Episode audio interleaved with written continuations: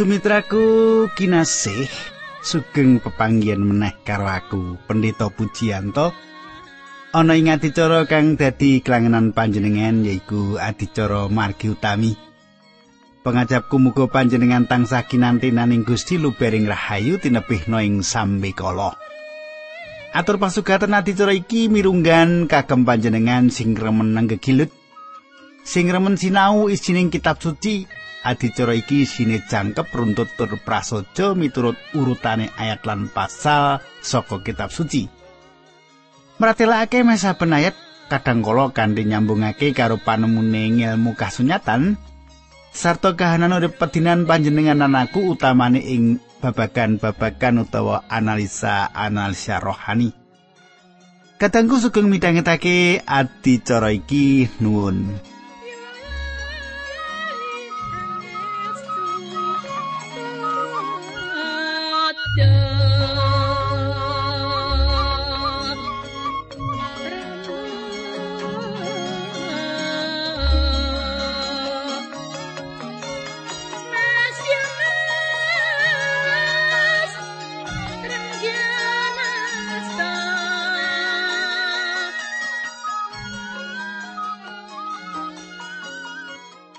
Sumitraku tetemon kepungkur, kita wis bisa ndeleng Gusti Yesus sing dituntun dening Roh Suci tindak menyang ora-ora samun.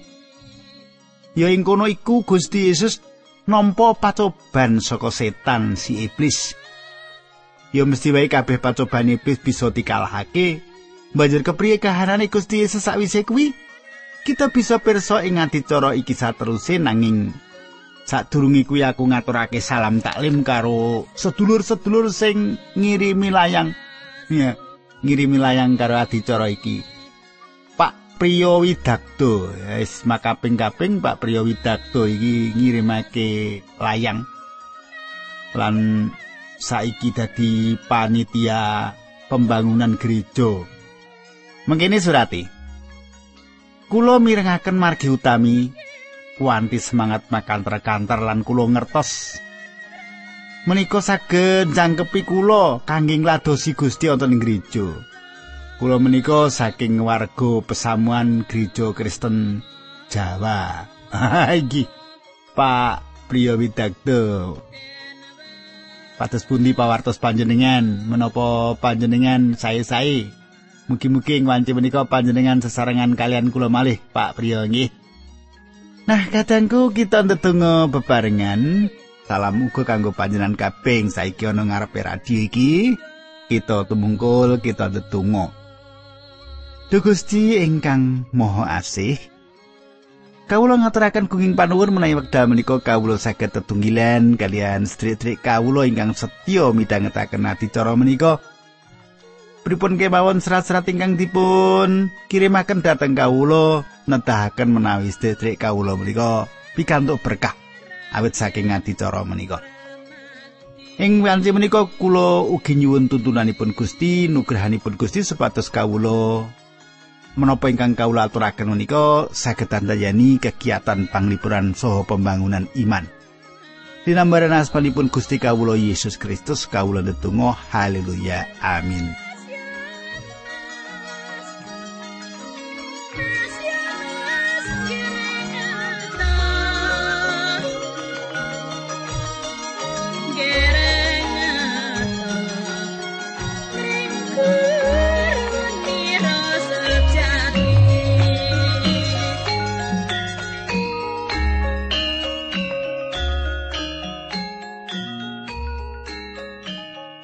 Para pamiyarsa. Kita arep mlebu ing oncekane Injil Markus bab 1 ayat 16 nganti 20. Injil Markus bab 1 ayat 16 nganti 20 sing unine ngene. Nalika Gusti Yesus tindak ing sauruting pesisir Tlaga Galilea, panjenengane pirsa Simon lan sedulure sing jeneng Andreas. Simon lan Andreas mau lagi padha njolo iwak ing tlaga kuno. Pangandikane Gusti Yesus marang Simon lan Andreas mau, "Padha melu aku, kowe bakal ndak warai njolo wong." Sanalika wong loro mau ninggal jalane lan nderek Gusti Yesus. Gusti Yesus nerusake tindake lan pirsa meneh wong loro kakang adi ya kuwi Yakobus lan Yohanes anak-anake Zebedius wong loro mau lagi padha ana ing prau nyulami jalani Bareng Gusti Yesus pirsa nuli uga ditimbali sekarone nuli ninggal Zebedius bapakne lan para buruhe ana ing prau banjur nderek Gusti Yesus Kadangku kang dak tresnani ana tulung warna timbalan saka Gusti Yesus marang para murid. Timbalan mau kapisah-pisah beda. Ing Injil Yohanes 1 ayat 35 nganti 31 ditulis bab iku. Nalika Gusti Yesus tindak menyang Yerusalem, panjenengane ketemu karo wong-wong iki nuli paring timbalan umum sing ora resmi. Wong-wong mau padha kepingin ngerti neng endi Gusti Yesus sedalem. Sebab Yohanes Pembaptis wis menehi tanda-tandane. Malah ana sawetara murid Yohanes sing wis nderek Gusti Yesus nanging para murid mau ora manggon ing ngendi Gusti Yesus dedalem. Pancen Gusti Yesus ora ndawi supaya nderek panjenengani. Nuli padha bali menyang Galilea padha nindakake pegaweyane dewi-dewi. Timbalan sing kaping pindho ing Injil Markus kita bisa nemoni ing wiwitane pakaryane Gusti Yesus. Panjenengane Gusti Yesus mlampahing pinggire pesisir nuli ketemu karo sawetara nelayan ana ing kono. Wong-wong mau arep didadekake tukang njolo manungsa. Nanging ing Lukas 5 ayat 1 nganti 11 nyritakake yen wong-wong mau bali meneh padha dadi nelayan. Timbalan sing katelu, timbalan sing pungkasan yaiku timbalan kerasulan. Bab iku ditulis ing Markus 3, Matius 10 lan Lukas 6. Wong-wong wis padha bali njolo iwak ing tlaga nanging Simon Petrus matur marang Gusti Yesus. Coba panjenengan semak Injil Lukas 5 ayat 8. Bareng Simon weruh lelakon sing mengkono kuwi banjur sujud sumengkem ing ngarsane Gusti Yesus karo matur. Mugi kersa nebih saking kawula Gusti jalaran kawula tiang dosa. Yen luwih cetha meneh Petrus matur ngene, "Sampun Gusti, nebiyake mawon saking riki kula menika tiang dosa padosa tiang sanes kemawon nanging Gusti Yesus ora kersa ngeculake Petrus pinuji Gusti Yesus sing kagungan keputusan iku. Gusti Yesus wis ngrawuhi wong-wong mau sing kaping telu lan ndawuhake timbalane kerasulan marang murid-murid. Saiki panjenengan tak derekake Markus 1 ayat selikur. Gusti Yesus lan para murid nggone tindak wis tekan kutha Kapernaum. Ing dina Sabat candhake, Gusti Yesus mlebet ing sinagoge lan miwiti mulang. Katenggu, panjenengan isih emut nalika para pemimpin agama ngajakake pitakunan marang Gusti Yesus bab apa sing ditindakake nalika dina Sabat? panjenengane paring wangsulan sing jelas banget sing ditulis ing Yohanes 5 ayat 17. Nanging Gusti Yesus ngendika marang wong-wong mau, "Ramaku ora kendhat nyambut gawe, mulane aku ya wajib tansah nyambut gawe." Mitraku, Gusti Yesus ora mung wolung jam sedina anggone nyambut gawe. Ing Jabur 121 ayat 4 nyatakake. Kang reksa Israel ora bakal ngantuk utawa sari. Ing dina sabat iku Gusti Yesus wis mlebet ing sinagoge lan mulang. Sinagoge ing Kapernaum iki sajake ora omah pangibadah sing penting ing kono. Sajake anggone Gusti Yesus nilarake Nasaret jalaran sawetara wong-wong ing kono ora gelem nampa panjenengani. Nuli medhak tindak menyang Kapernaum lan panggonan iki didadekake markas peladosani. Ing Kapernaum iki lawase telung taun pladosani didadekake markase Gusti Yesus lan para murid. Saiki panjenengan tak derekake maca Markus 1 ayat 23. Wong-wong sing ngrungokake padha gumun bab carane mulang. Enggone mulang kanthi pangwasa ora kaya pamulangi ahli Taurat. Sumitraku ing kene kita bisa pirsa kekuatane kayekten lan tumindake Gusti Yesus. yen kita bisa atur panyaruwi gereja dinane iki ora micara sing ngatonake otoritas kuasa saka Sang Kristus. Bisa uga kita lalados ora kanthi kebaing kuasa saka Allah. Awit kita wis lalados ora ada dasar iman. Bisa uga kanthi dasar liyane. Yen aku matur kanthi tembung kita, wis sak mestine bagian saka tembung kita yaiku panjenengan lan aku ora kepengin tumindak sing ora kanthi dasar iman. Sing dak karepake yen peladosan iku kaya dene ana ing kelas. Peladosan iku ora ana upaya kanggo mulang bab sadane Allah. Yen pancen ngono iki wis kedadian ana kamunduran. Sebab mimbar wis ora ngajarake maneh sabdane Gusti. Sinagoga nalika semono ora mulang bab sing penting tumrap uripe wong Yahudi. Mula bareng Gusti Yesus rawuh ing kono lan mulang bab kayekten, wong-wong mau padha eram lan gawok krungu apa sing diwulangake Gusti Yesus. Nyandak Injil Markus siji ayat 23 nganti 24 mengkini surasane. Nalika Gusti Yesus lagi mulang mau dumadakan ana wong kepanjingan demit mlebu ing sinagoge kono karo bengok-bengok. Yesus wong Nazaret, aku arep kok kapake? Apa tekamu mrene arep mateni aku? aku ngerti kowe kuwi sapa. Kowe kuwi wong suci utusane Gusti Allah. Mukjizat sing kedadian Injil Markus iki ing sadrone alam roh. Ya mung panjenengane Allah wae sing gesang ing alame roh. Uga panjenengane sing nguasani sakeh tumindake setan. Ing bukti sejarah ngandhake yen ing kalangane uripe bangsa Romawi akeh sing padha nyembah marang Brahala. Ya mung kanthi asmane Yesus Kristus wae bisa abenajeng karo panguasane setan. Ya mung panjenengani sing kagungan kuasa kagem mlebet ing alami pepeteng setan-setan. Iki mukjizat sing kapisan sing ditulis sing Injil Markus. Markus nritakake mukjizat iki dhisik jalaran Gusti Yesus sing kagungan kuasa ing donya.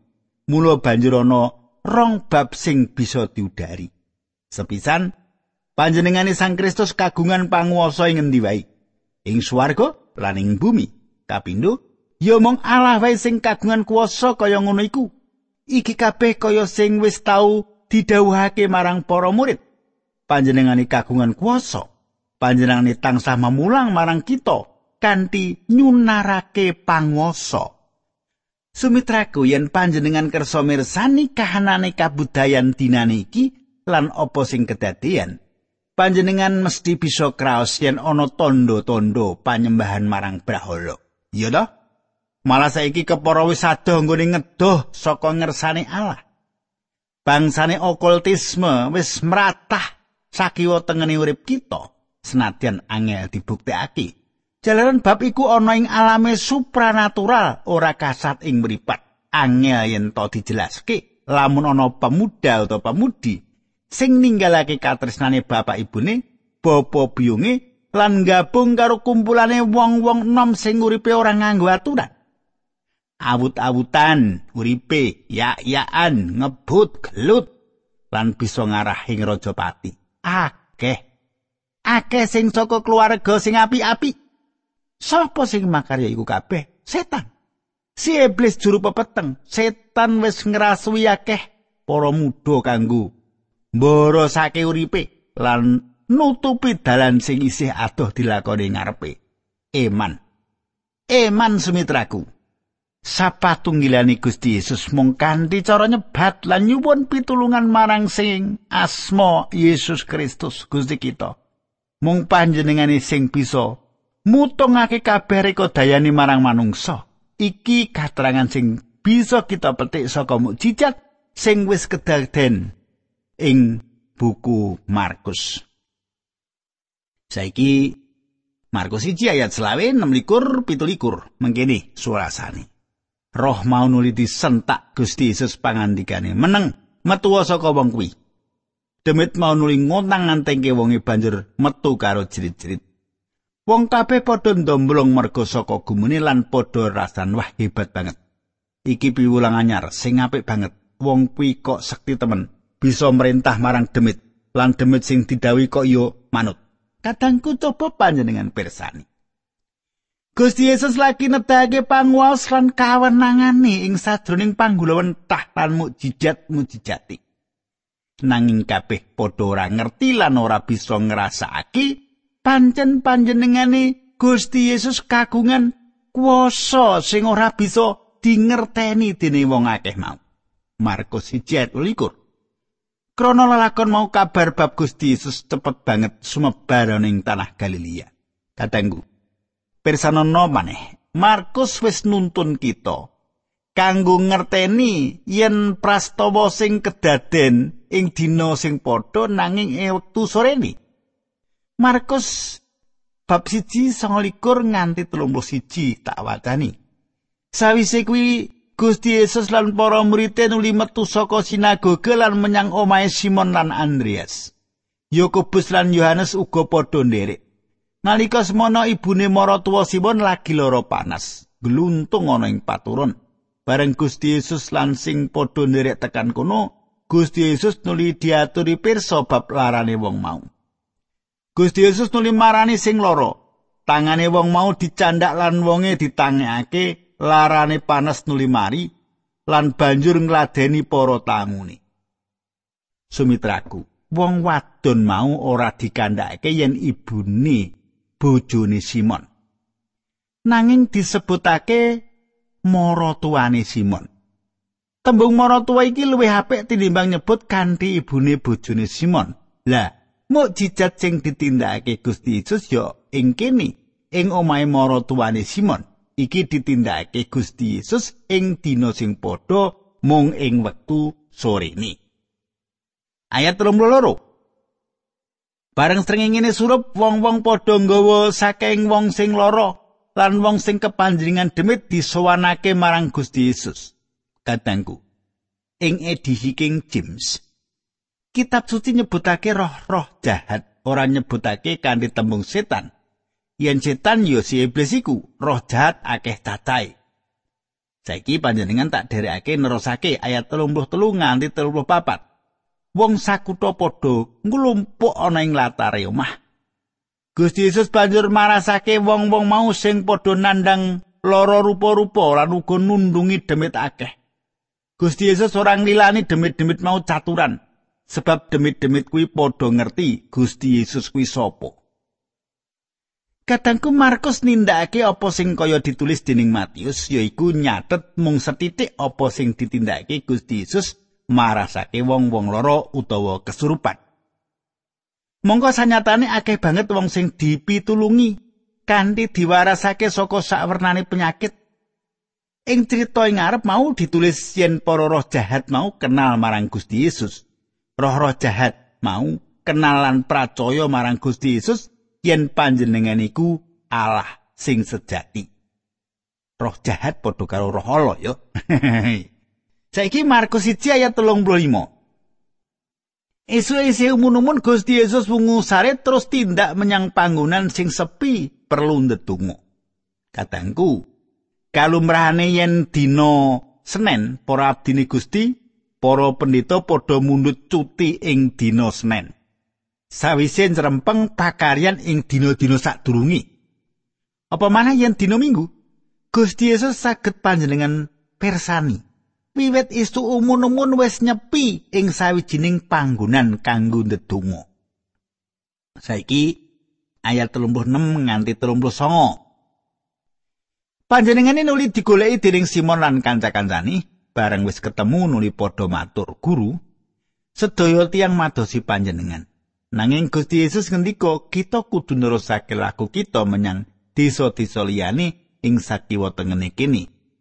Aku uga kudu martakake Injil ana ing kono sebab ya kuwi perlune anggonku teka mrene. Mulane Gusti Yesus nuli ndrajai setengah Galilea kabeh panjenengane martosake Injil ana ing sinagoge-sinagoge lan nundungi demit-demit. Katanggu, iki wiwitane pakaryane Injil. Kanthi pengajaran sing diparingake, Gusti Yesus nyiapake wong-wong sing arep keparingan kawilujengan. yaiku ing bab mati lan tangine saka antarane wong mati.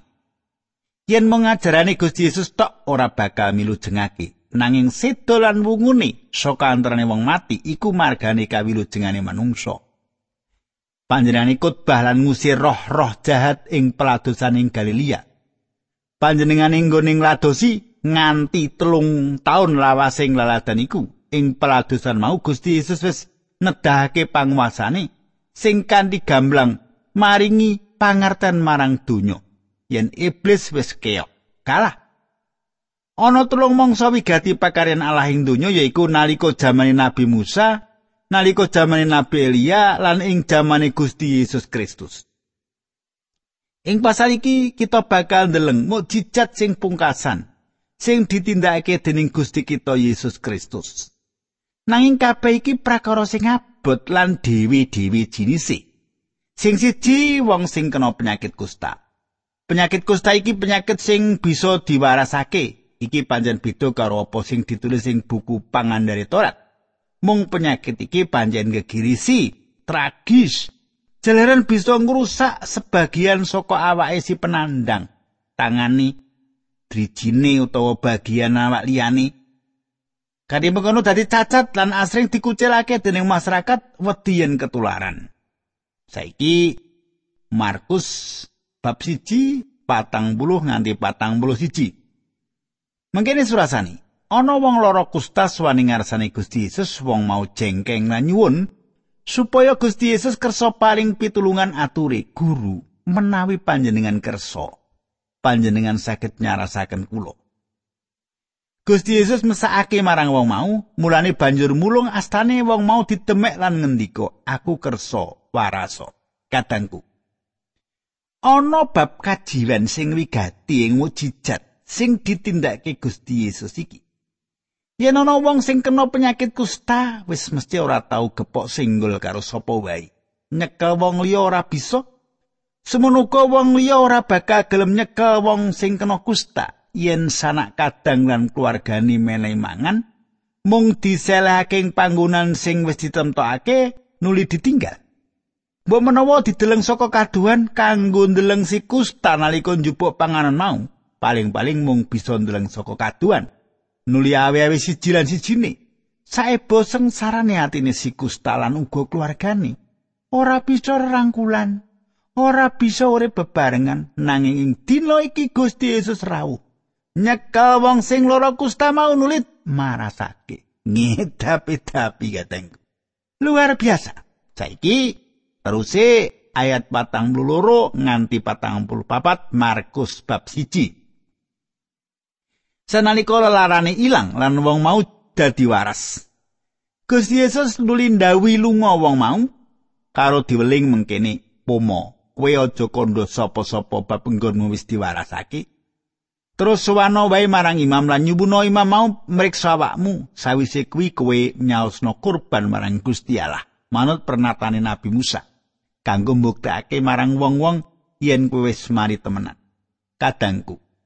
Kanggo marasake wong sing kena kusta kudu cocok karo urutane tata cara ing ukume Musa utawa Torat. Nalika iku Gusti Yesus wis nglanggar hukum mau. Kudune wong-wong mau kanthi sesideman mulih ing omahe lan ora nyritakake marang sapa wae kejaba keluargane.